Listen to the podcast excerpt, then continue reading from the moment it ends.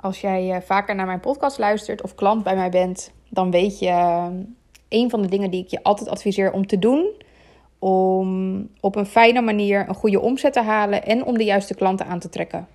Want je kan nog zo'n mooie omzet hebben, maar als het is met een klant waarvan je denkt, die kost me meer energie dan dat hij me geeft, dan is het niet best. En je kan ook wel leuke klanten hebben, maar als het je niet zoveel oplevert, dan heb je geen bedrijf, maar een hobby. Um, vandaag op Stories post ik hier iets moois over. En dat wil ik vandaag ook met je delen, voor het geval dat je het gemist hebt. Voor mijn live dag op 4 maart heb ik vandaag de ruimte genomen om intuïtief in te voelen wie ik wilde dat daarbij aanwezig is. En dat gaat verder dan um, het lijkt me leuk, want dat lijkt me ook leuk. Maar dat zit voor mij meer op een intuïtief niveau, wat je misschien herkent bij jezelf of misschien kent bij mij als je me langer volgt. En dat is dat ik soms zo duidelijk voel dat iemand erbij aanwezig mag zijn, dat als ik daar helemaal op afstem, dat ik informatie voel van die persoon. En vandaag heb ik dat gedaan. Ik heb de mensen waarbij ik, um, nu denk je wat een vaag verhaal, maar ik ga het uitleggen. De mensen waarbij ik voelde, volgens mij mag jij erbij zijn op 4 maart, heb ik een uh, voice memo gestuurd. En bij de een was het gelijk, oh wat leuk. En bij de ander ontstond de weerstand. En sommige mensen zeiden, ja, maar ik ben al zo druk. Of er speelt een hoop. Um, en toch heb ik ruimte genomen om nog verder in te voelen.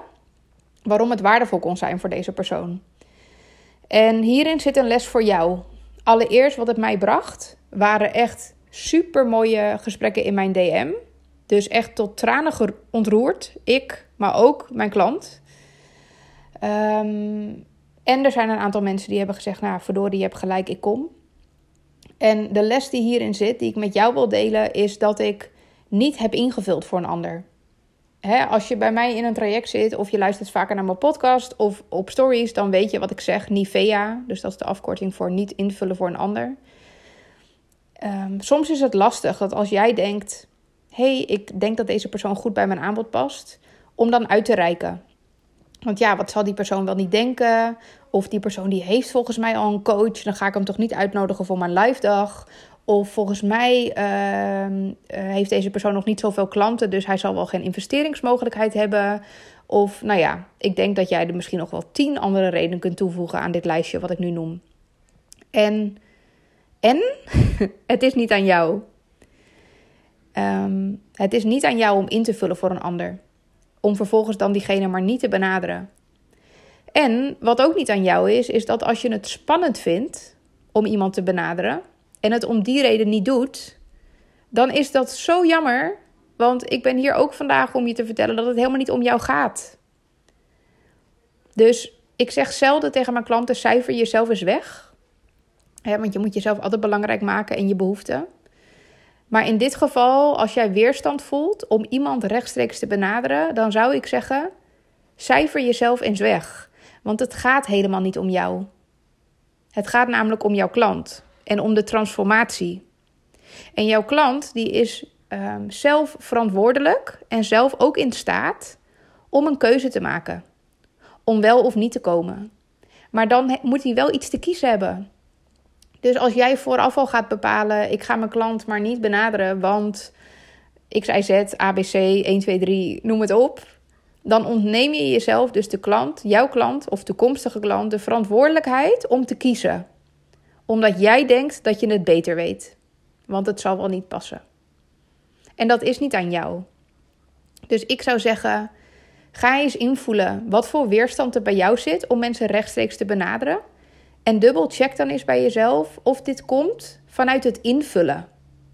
Heel vaak is dat namelijk het geval. Heel vaak zijn we bang dat het niet past. En uiteindelijk zit daaronder ook een vorm van misschien dat je bang bent om afgewezen te worden. En dan zou ik weer tegen je willen zeggen: het gaat niet om jou.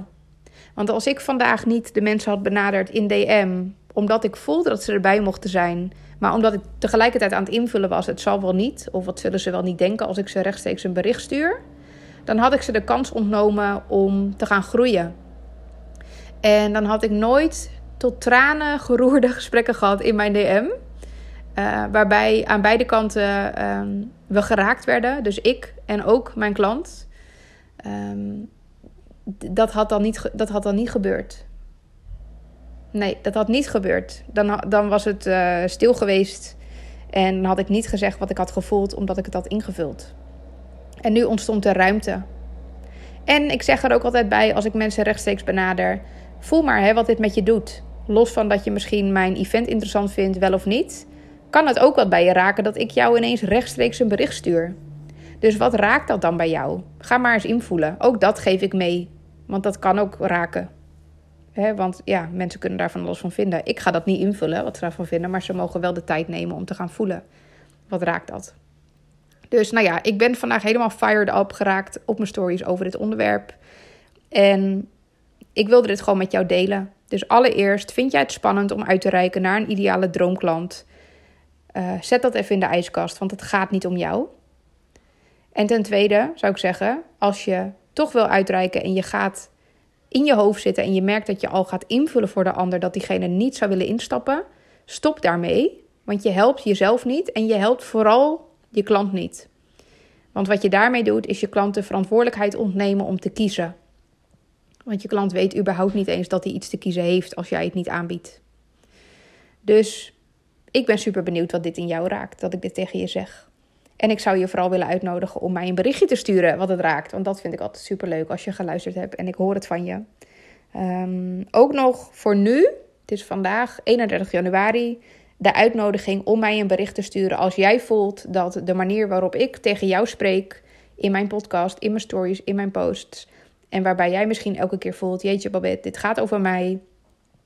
Als je wil onderzoeken ehm, wat ik voor je kan doen als we elkaar in het echt zien, stuur me dan een bericht, want dan is 4 maart voor jou een super mooie optie om aan te haken. Het is de, vooralsnog de eerste en de enige keer dat je los met mij kan werken. Want ik werk, zoals je weet, alleen maar in trajecten van een half jaar of een jaar. Ehm, ja, dus als je dat voelt, dat je nieuwsgierig bent, stuur me dan een bericht. Ook als je niet helemaal aan de omschrijving voldoet van mijn event. Het is op 4 maart in Utrecht bij Suits and Sundays. Ehm, en we gaan die dag aan de slag met opstellingen. Dus we gaan kijken waar de blokkades zitten in jouw familiesysteem. Die er nu nog voor zorgen dat je niet in jouw licht durft te stappen in je business die er misschien nu nog voor zorgen dat je tegen een plafond aanhikt in je business waar je maar niet doorheen kan breken. Dat wordt de focus die dag. En wat er gaat gebeuren, dat weet ik niet. Want opstellingen laten altijd zien wat er gezien mag worden en die zijn niet te sturen. Maar als je daarvoor open staat en nieuwsgierig bent en met een open hart naar kunt kijken, dan ben je van harte welkom. Dus stuur me dan een berichtje op hi.babettasseron.nl of volg me op Instagram, Babette Tasseron. En dan kom ik of mijn team bij je terug met ehm, uh, leuk dat je erbij bent. Of uh, helaas, we zitten vol en uh, je bent van harte welkom bij de volgende editie, als die er komt. Dankjewel voor het luisteren en ik hoop van je te horen.